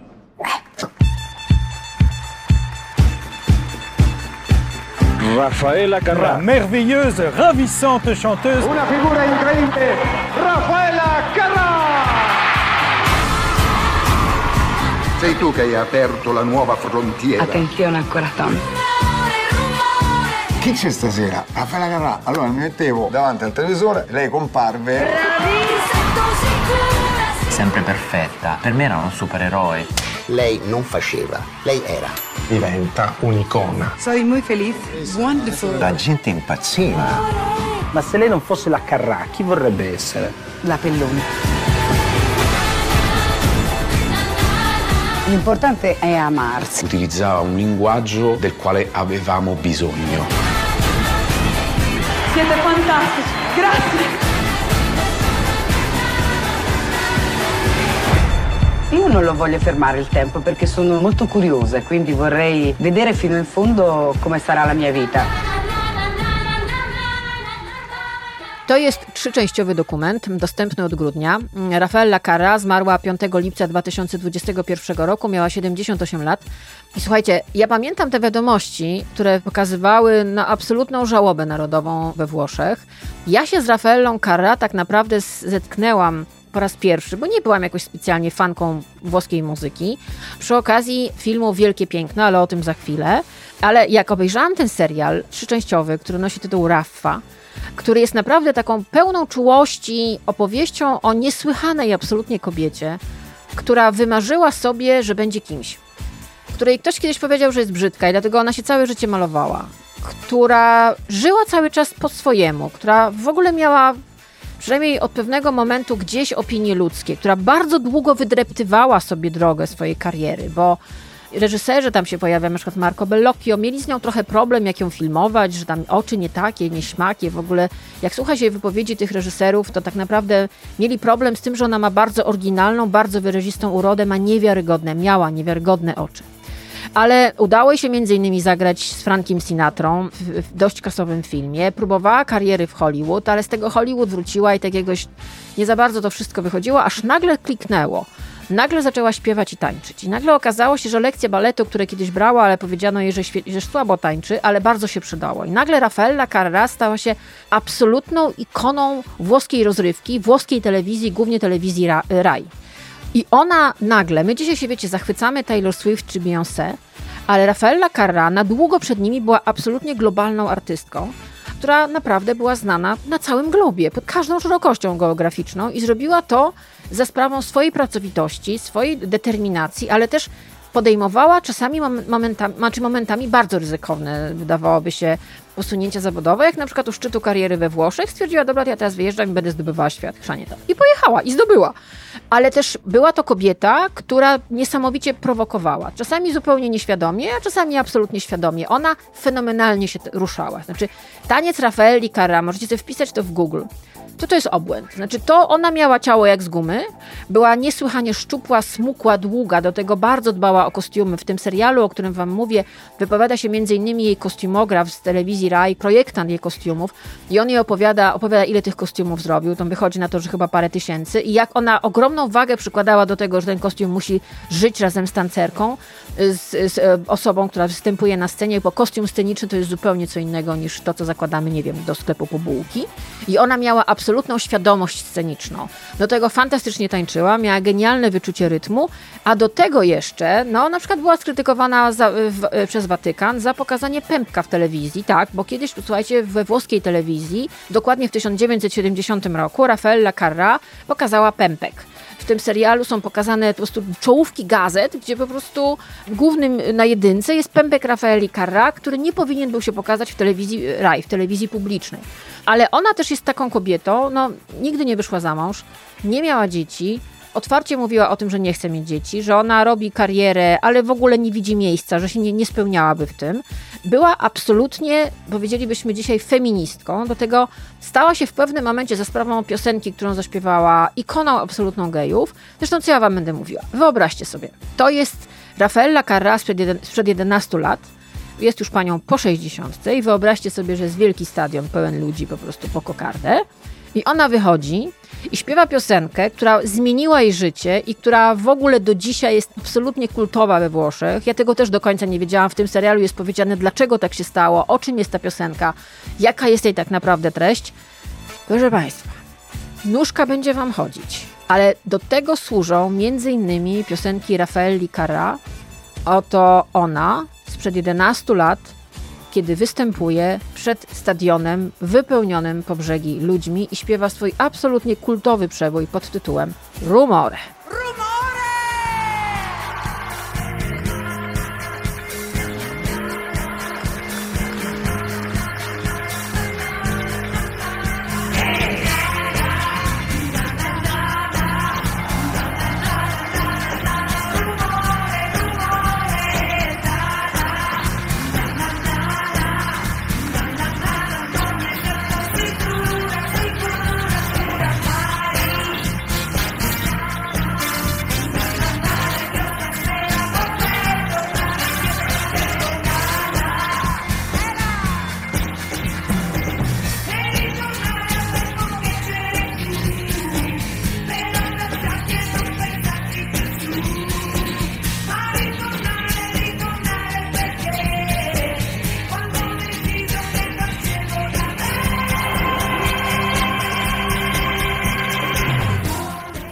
Wam powiedziałam, ja się spotkałam po raz pierwszy tak na poważnie z jej muzyką w momencie, kiedy pojawił się film Wielkie Piękno w 2013 roku Paolo Sorrentino.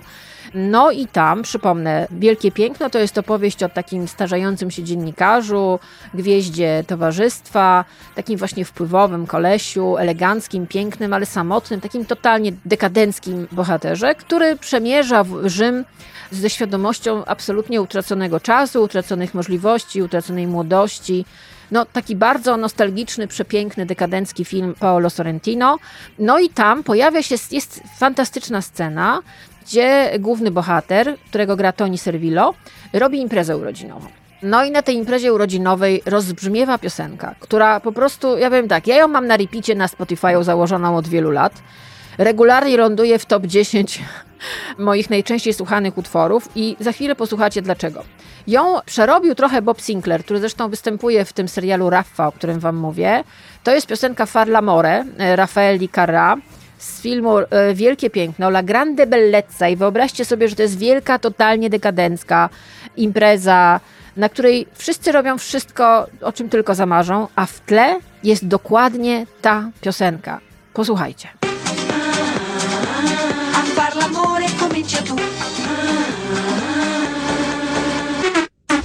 To była piosenka z filmu Wielkie Piękno, czyli Bob Sinclair i Rafaela Carra, ale wróćmy jeszcze do tej opowieści, jak w pewnym momencie swojej kariery, gdzie Rafaela Carra była gwiazdą telewizji, radia, w ogóle wyskakiwała zewsząd, Włosi ją kochali i nienawidzili jednocześnie, a jednocześnie była totalną ikoną.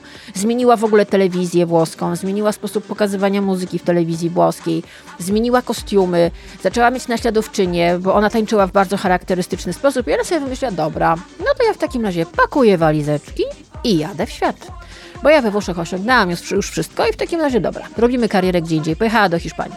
I teraz wyobraźcie sobie, przejechała do Hiszpanii, a tutaj tak, upada Franco, na ulicach zamieszki, Hiszpania się kompletnie zmienia i tam się pojawia w telewizji Rafaela Carra, prosto z Włoch. Okazuje się, że Hiszpania była znacznie bardziej wyluzowana niż Włochy, więc tam ona mogła spokojnie, nie tylko pępek pokazać w telewizji. I słuchajcie, i śpiewa to i śpiewa po hiszpańsku, bo okazuje się, że Rafaela Carra śpiewa w bardzo wielu językach świata. Zresztą to jest, to był taki wymóg dla piosenkarzy tamtych lat, między innymi Marla Rodowicz śpiewała w różnych językach, Karel Gott śpiewał w różnych językach, tak samo Rafaela Carra. No i posłuchajcie, to jest absolutny hit e, Rafaeli, e, który zaśpiewała w Hiszpanii i potem, który stał się hitem globalnym.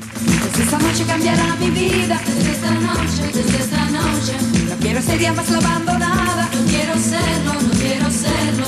Cuántas lágrimas he derramado, cuántos he desperdiciado.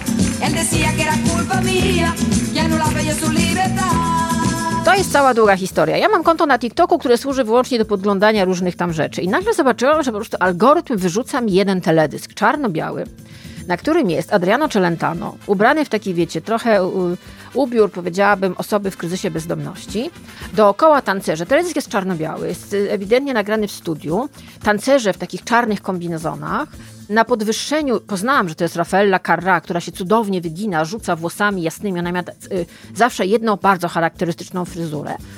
I włączyłam dźwięk i nagle słyszę po prostu jakiś niesamowity bit w ogóle. I pomyślałam sobie, w jakim to jest języku po pierwsze, nie wiedziałam. Co to w ogóle jest? Jakie to jest absolutnie genialne. Zachowałam się dokładnie tak samo jak pewien użytkownik Twittera, zanim to się stało Xem, który kilka lat temu puścił fragment tego teledysku na Twitterze i napisał, że to jest najlepszy teledysk, jaki widział kiedykolwiek w życiu i że to jest absolutnie genialny numer.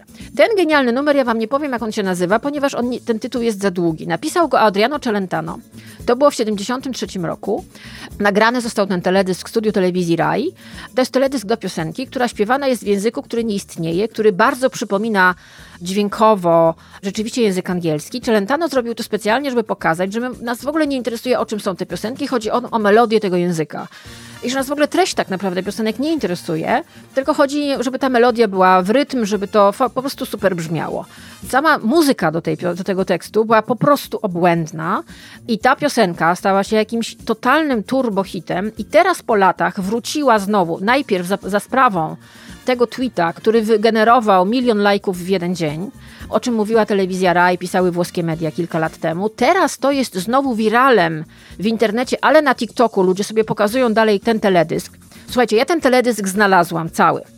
Trochę musiałam pokopać w internecie, żeby to nie był tylko ten fragment, więc patroni dostaną ten teledysk i powiem wam tak, jak, jak tylko będziecie mieli go ochotę włączyć, to usiądźcie wygodnie i zapnijcie pasy. Bo zobaczycie Adriano Celentano, świetnego piosenkarza, zobaczycie przede wszystkim Rafaelle Carre, która tam daje swój głos w pewnym momencie, posłuchacie tego, ale przede wszystkim zobaczycie taki taniec, którego by na przykład dzisiaj nikt w żadnej telewizji, obawiam się, nie pokazał, bo on jest dość niepoprawny politycznie. To, co tam z ciałem i ze swoimi kończynami robi Rafaella Carra w towarzystwie tancerzy, no to powiem wam, klękajcie narody, to jest obłęd. To jest obłęd. Słuchajcie, w latach 70. we Włoszech powstawały takie utwory. Zapnijcie pasy. Proszę bardzo. Freezing cold in ancient the cold say one freezing cold in ancient. All right.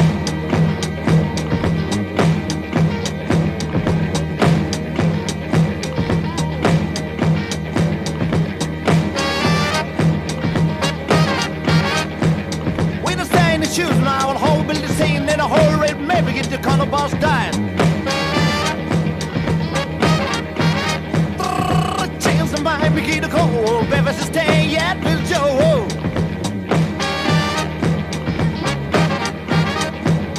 We the stay in the shoes now and whole building scene in a whole red maybe get the corner boss dying.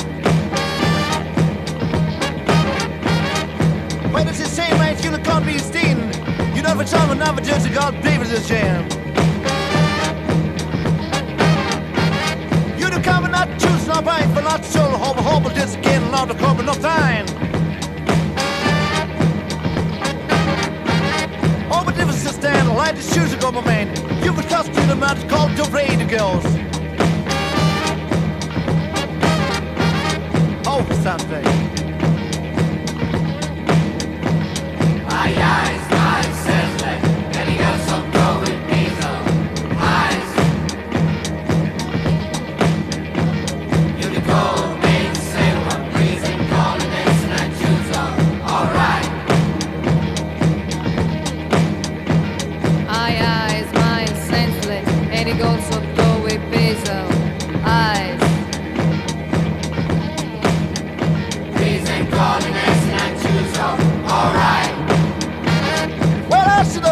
Sunday. Aye,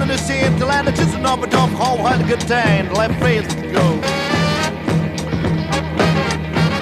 We been seeing in the stand, and the shoes are coming in. There's two of the cars that are four world the guy to stake. Hey, I my chance, let Hey, the hills still throw it, breeze on. Hi. You the call and made to say one piece, it combination I do some, alright. you not feel as you can go to the door. That's baby, that's till I take you. I eyes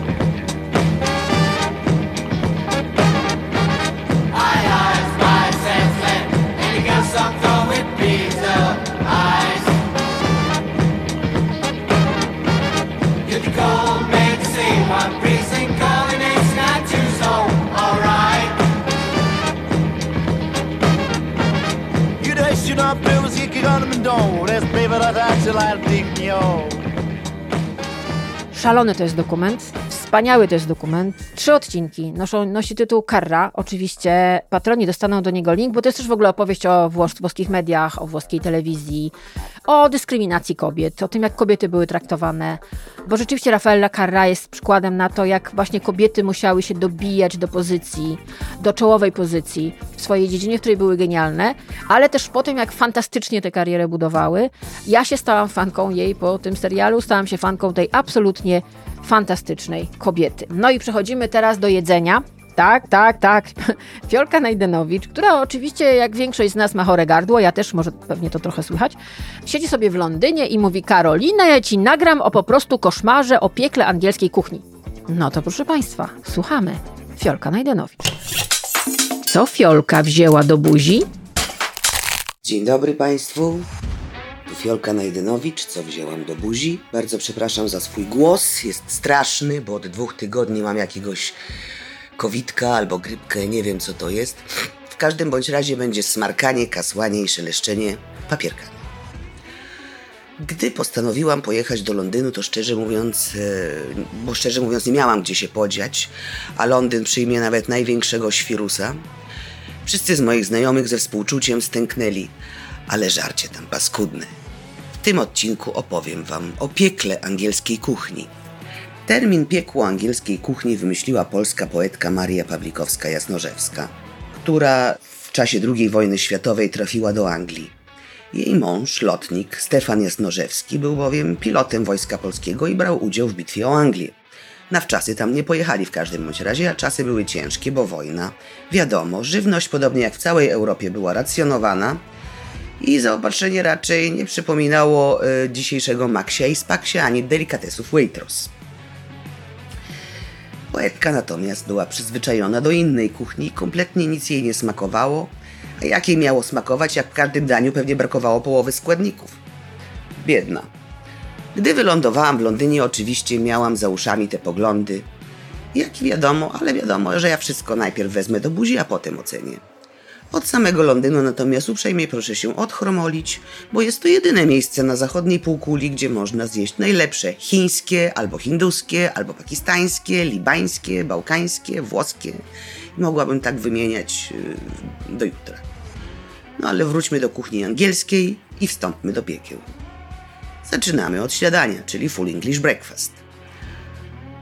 E, Jest to bardzo duże danie, składające się z kiełbaski kumberlandzkiej, moim zdaniem przepysznej, smażonego bekonu, do tego dwa jajca, pieczarka portobello, pomidorek, szpinak, fasolka w sosie pomidorowym, hash brown, to rodzaj placków ziemniaczanych, czasem plasterek e, white albo black pudding, to jest rodzaj kaszanki i chlebek do tego. To jest pyszne, ogromne danie, straszliwa rzeźba w materiale i nikt tego na co dzień nie je.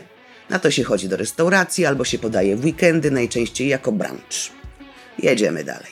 Shepherd's pie, czyli zapiekanka pasterska, na której poległa książkowa Bridget Jones. Jest to potrawa z pieczonej mielonej jagnięciny pod kołderką ziemniaczanego pióre. Na YouTubie wisi przepis e, Gordona, znakomity, sama według niego robię. Moja polska przyjaciółka Aga Serkies mnie kiedyś zaprosiła na obiad i co było? Shepherd's pie. Trudno o mieloną jagnięcinę w Polsce, bo jagnięcina w Polsce jest okropna. Owce są hodowane na wełny, a nie na mięso, no ale jak ktoś wygra na loterii, to niech sobie kupi nowozelandzką i sobie ją zmieli.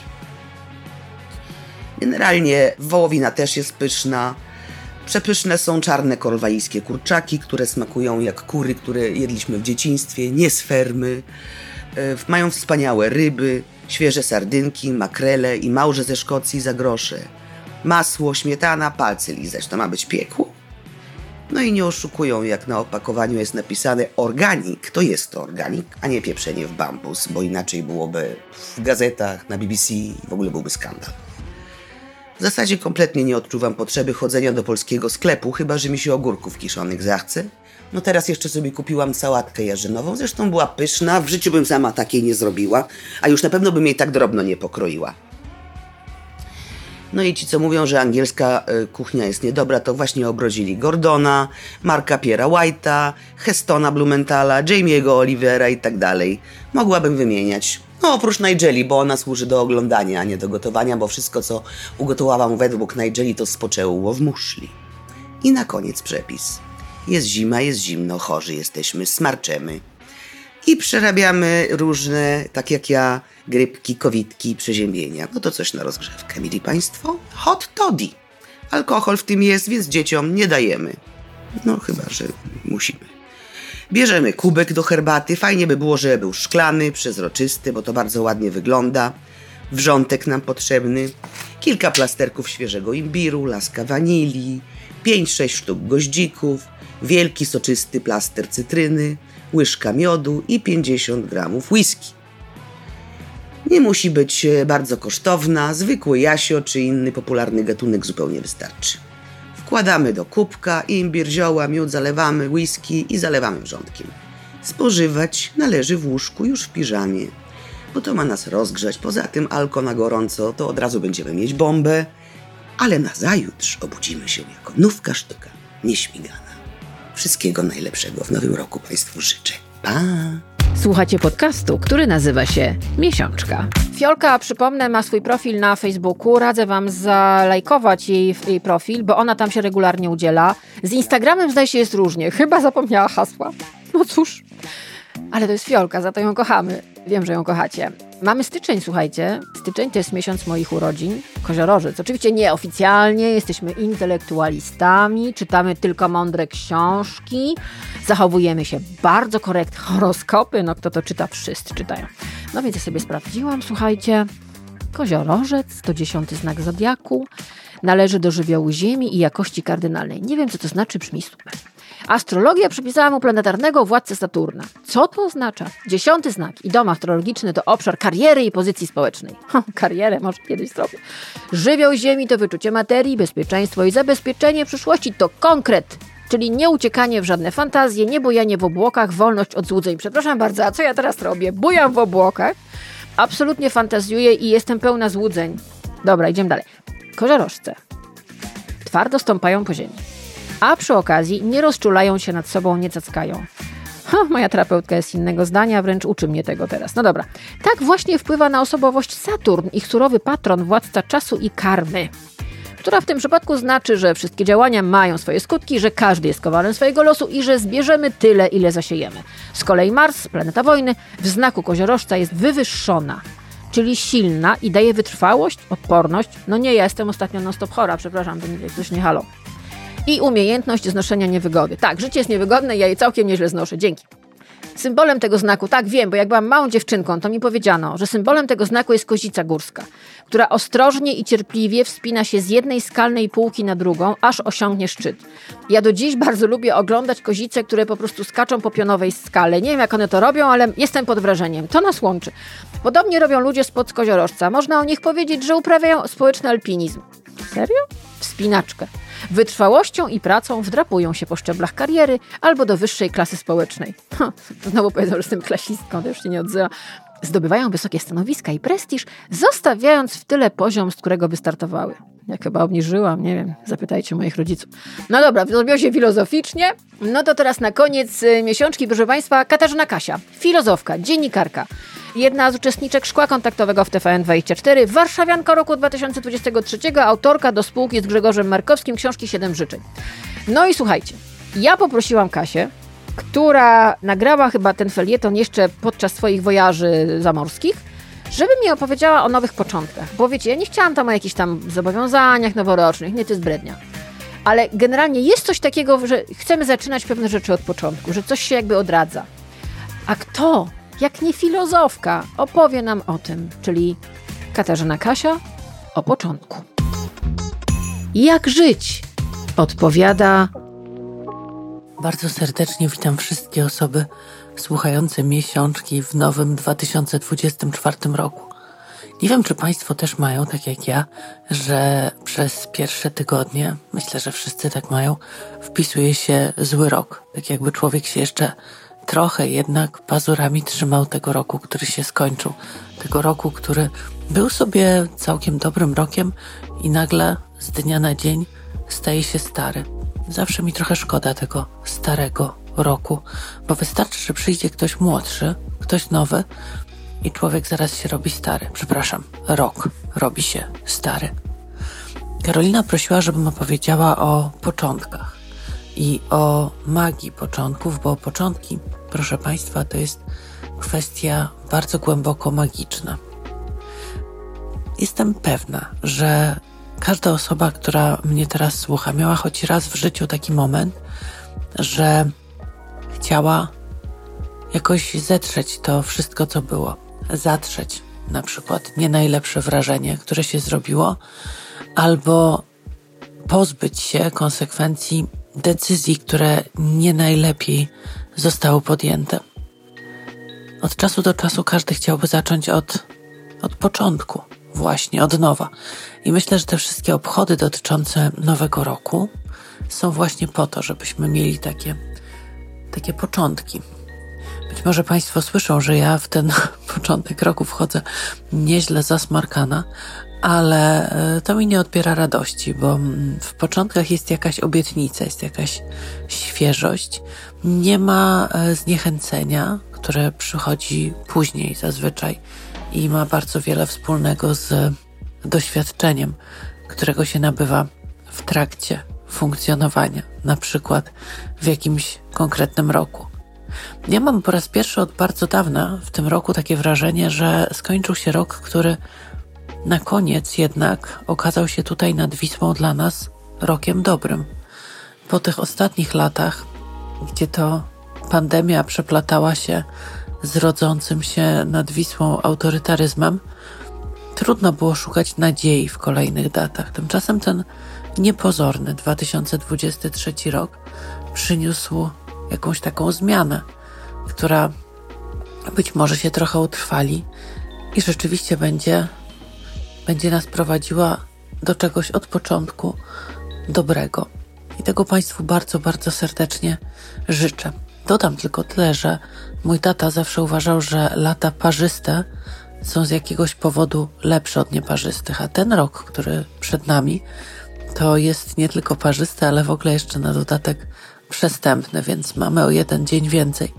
O jeden dzień więcej na oczywiście wszystkie działania rozsądne, sensowne i świetnie zorganizowane, ale też o jeden dzień więcej na błędy, wygłupy, e, śmiech i wszystkie formy nieskrępowanej radości. I ja tego Państwu bardzo, bardzo, bardzo serdecznie życzę. Katarzyna Kasia. No i proszę Państwa, to było wszystko to chyba na dzisiaj. To był trzeci odcinek mojego podcastu Miesiączka. Mam nadzieję, że Wam się podobało. Dzisiaj było trochę muzycznie, ale może będą takie wtręty muzyczne, bo ja mam trochę swoich takich ulubionych wykonawców, a tu akurat to się zbiegło z serialem dokumentalnym o Raffaelli którą po prostu absolutnie uwielbiam i jestem, jest moją idolką, naprawdę. Niesłychana kobieta, że ja o niej do tej pory nie słyszałam, no ale po to są takie podcasty jak moje, żebyście też trochę usłyszeli. Mam nadzieję, że Wam się podobało. Piszcie do mnie, jakie macie wrażenia. Przypomnę, że podcast Miesiączka powstaje wyłącznie dzięki Patronite i patroni od progu 25 mają w momencie, kiedy pojawia się premierowo Miesiączka w internecie, mają od razu bardzo fajny newsletter. Ten będzie naprawdę wypasiony. Będzie między innymi ten teledysk Rafaeli Cara, o którym Wam mówiłam, który niektórzy uznają w ogóle jakieś absolutne arcydzieło. No i co? Wydawcą moim wspaniałym był Mateusz Nowosad, jest, który to wszystko układa i cierpliwie znosi moje różne opóźnienia i opóźnienia moich felietonistów. Nieważne, Mateusz, jesteś wielki. No i tak sobie pomyślałam, że na koniec chciałabym, znaczy znalazłam to w internecie i się po prostu zakochałam w tym, wiecie, bo Bill Nye to jest, jest taki, jeden z tych aktorów, który tak patrzysz na niego i myślisz sobie, człowieku, Bóg miał super humor, jak cię tworzył. Naprawdę, szeroko się uśmiechnął, kiedy pojawiłeś się na świecie, a jednocześnie trochę się zasmucił, bo on jest taki właśnie dwoisty. I słuchajcie, znalazłam jego przesłanie noworoczne dla nas wszystkich, które jest bardzo fajne bo też dotyczy bali, dotyczy imprez. No słuchajcie, jakby nie było, jest coś, o czym chyba niektórzy zapomnieli, ale mamy karnawał. Było dzisiaj o pięknych balowych sukniach. A więc proszę Państwa, Bardzo Wam dziękuję, że byliście ze mną, że słuchaliście mnie i moich fantastycznych współpracowników. Będziemy z Wami za miesiąc w czwartym odcinku podcastu Miesiączka, który robię z ogromną radością, wielką przyjemnością. Nawet nie wiecie, jakie to jest szczęście. To jest taka radość, że w ogóle, ach, szok. Ach, no to teraz, proszę Państwa, na koniec miesiączki Bill Nye z takim przesłaniem do nas wszystkich na ten rok i na następny. Bądźcie zdrowi. Do usłyszenia. Wherever you are, whoever you're with, whatever else you got to do, don't forget to. Happy New Year. Miesiączka powstaje dzięki wsparciu patronów z Patronite. Jest programem niezależnym, subiektywnym i wolnym. Dzięki Wam nie sprzedaję tutaj reklam, tylko siebie. Dziękuję za Wasze wsparcie.